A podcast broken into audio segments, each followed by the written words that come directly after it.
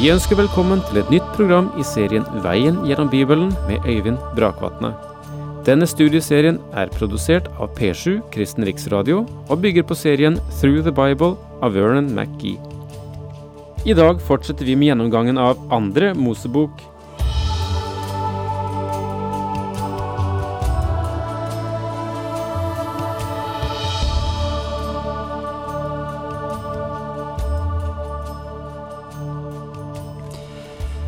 Vi avsluttet sist med å sitere fra annen Mosebok, kapittel 6, versene 6 til 8.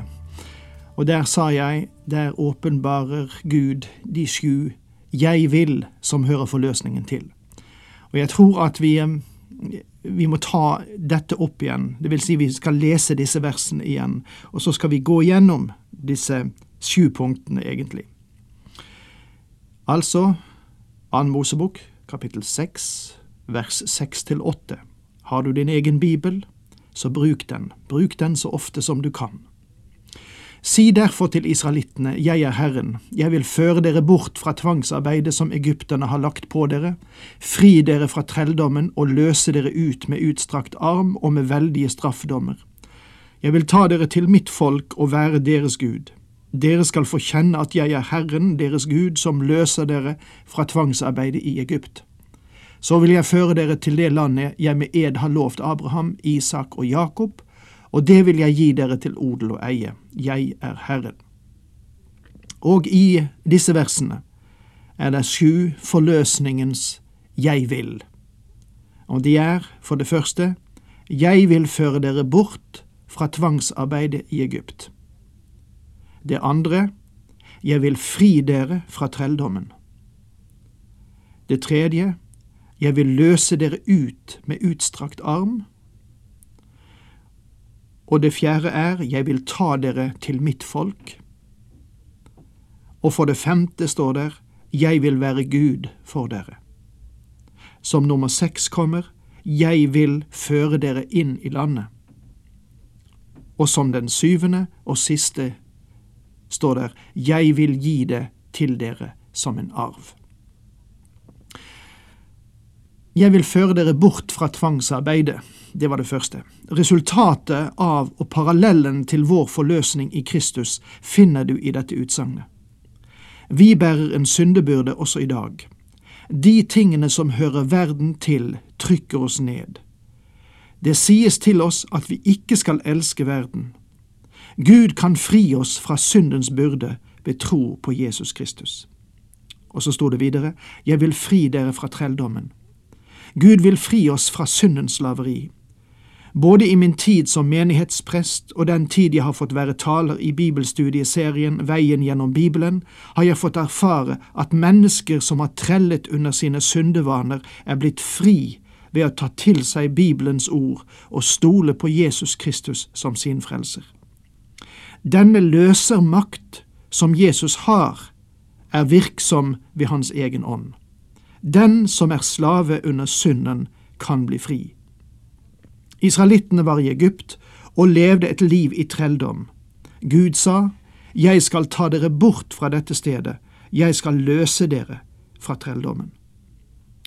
Og så sto det videre, Jeg vil løse dere ut med utstrakt arm. Dette er den veldige arm som profeten Jesaja har talt om. Hvem trodde det budskap vi hørte, og for hvem ble Herrens arm åpenbart? Slik står det i Jesaja 53 vers 1. I den nye oversettelsen, må jeg få legge til, er ordet arm erstattet med kraft. Vel, jeg vet ikke hvem den er åpenbart for, denne arm. Gud gjør et forløsningsverk i menn og kvinners liv også i dag. Hver av oss trenger en som kan være frelser fra synd fordi vi er korrupt i hans øyne. Han elsket oss høyt nok til å dø for oss for at vi skulle bli frelst. Gud har en stor frelsesplan, men mennesket må komme til ham for å få del i den. Han vil løse oss med utstrakt arm, et tegn på hans makt, en makt som er tilstrekkelig for å fri ethvert menneske. Jeg vil ta dere til mitt folk, lød det videre. Bare tenk på det. Gud har løftet oss ut av syndens slam og gjort oss til sine barn ved troen på Kristus Jesus. Og nå sier han til oss, Jeg vil være en Gud for dere. Gud frelser oss ikke for senere å vende ryggen til oss og la oss i stikken. Han ønsker å være vår Gud. Om du virkelig er frelst, så vil du ikke fortsette å leve som om Gud ikke eksisterer. Om du har tatt din tilflukt til Jesus Kristus som frelser, vil det forvandle ditt liv. Han vil bli din Gud, og du vil bøye deg for ham og erkjenne hvem han er. Gud ønsker å forløse deg.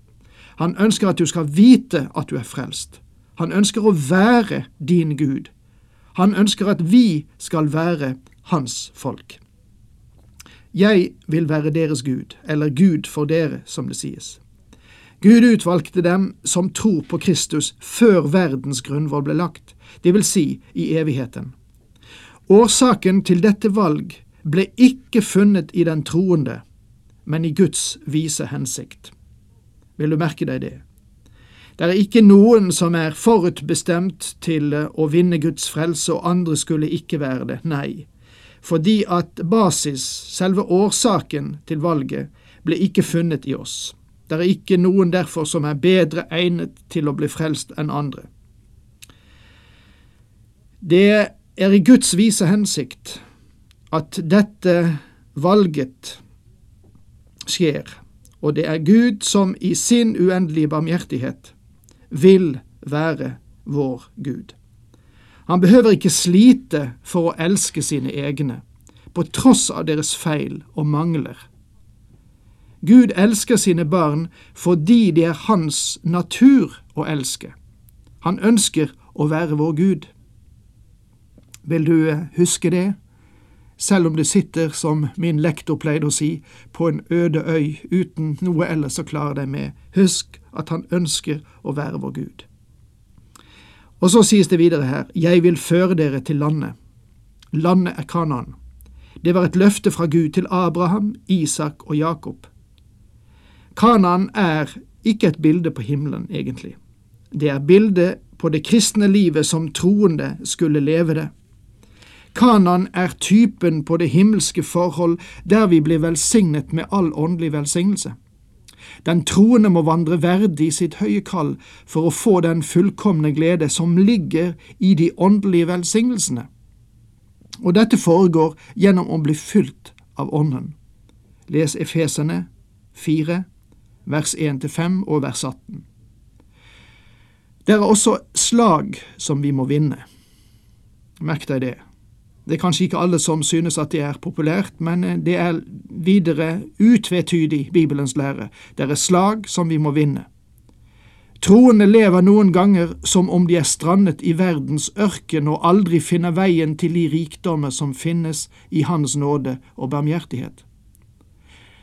Og mitt spørsmål er, lever du i dag i den levende Frelsers liv, lys og kjærlighet? Jeg vil gi dere landet til odel og eie, lød det videre fra Herren. Paulus gjør det klart, i Romerbrevets femte kapittel, at vi er blitt gjort rettferdige ved tro og har fred med Gud ved vår Herre Jesus Kristus. Vi har adgang til ham. Vi har glede midt i vanskeligheter. Vi er blitt gitt Guds hellige ånd for at Han kan bo i oss, og Guds kjærlighet er blitt virkelig for oss. Vi er blitt fridd ut fra den vrede som skal komme, og frelst fra trengselen. Hvilken frelser har du, min venn, om du ikke kan tale om at han har forvandlet ditt liv eller løst deg fra noe? Disse versene taler om vår arv og gir et bilde av vår frelse. Dette sa Moses til israelittene, men de hørte ikke på ham, for de var motløse og trellet hardt. Ditt hjerte må ømme for Israels folk i en tid som denne. De fant det umulig å tro Moses fordi han ikke hadde fremmet deres sak. Slik sa de og mente de, men bare hadde vært den ansvarlige for at deres byrder ble enda tyngre.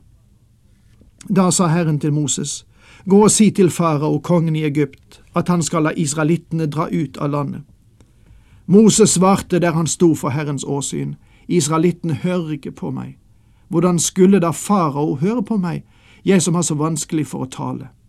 Så talte Herren til Moses og Aron og sendte dem til israelitten og til farao, egypterkongen, med befaling om at Israels folk skulle føres ut av Egypt. Moses ble ikke akseptert av Israels folk. Han var ikke akseptert av farao. Og Gud ba han om å tale til farao igjen, men Moses er svært lite villig til å gå. Hans øyne er festet ved omstendighetene fremfor å være rettet mot Herren. Og når det er slik, mine venner, så er det mange ganger at vi vil vegre å gå. Midt i disse vanskelighetene og omstendighetene kommer vi til et meget merkelig stykke av, av eh, dette kapitlet. En merkelig sekvens, om du vil, kan vi kalle det det. Gud er nøye med å få nedtegnet Israels familier igjen, en viktig sak i Det gamle testamentet. Ærlig talt så kan det å lese alle disse navnene bli kjedelig og gjøre oss døsige, men de er viktige og engasjerende for Gud, og Han holder sterkt på at slektene skal opptegnes. Gud ønsker at vi skal vite hvem vi leser om, og hvem hans barn er. Gud kjenner det på samme måten i forholdet til deg og meg også. Han ønsker at vi skal være Guds barn ved troen på Kristus.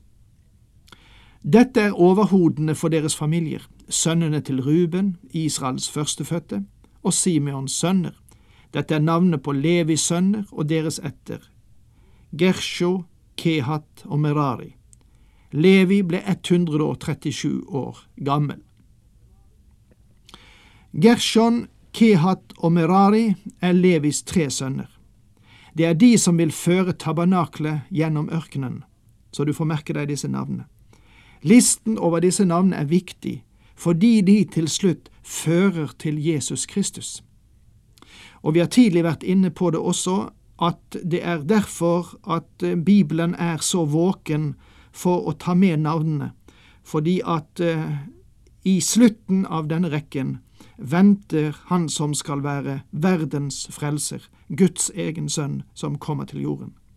Han er ikke født inn i et tomrom, han er født gjennom slekter, gjennom en lang forberedelsestid som Gud ga. Kehats sønner var Amram, Jishar, Hebron og Ussiel. Amram tok Jokebed, sin fars søster, til kone. Med henne fikk han Aron og Moses. Amram ble 137 år gammel.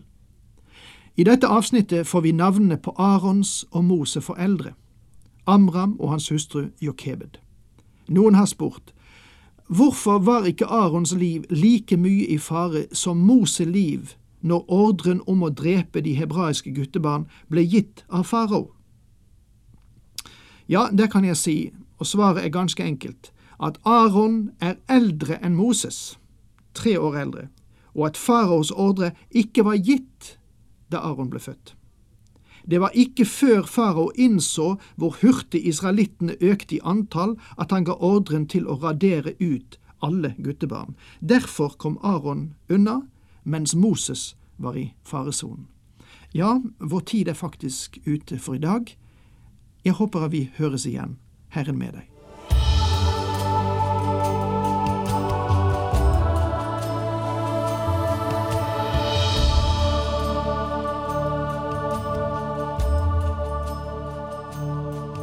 Du hørte Øyvind Brakvatne i studieserien Veien gjennom Bibelen. Serien bygger på et manus av Vern McGee. Har du spørsmål eller kommentarer til programmet, kan du sende en e-post til vgb krøllalfa p7.no. Takk for i dag, og på gjenhør.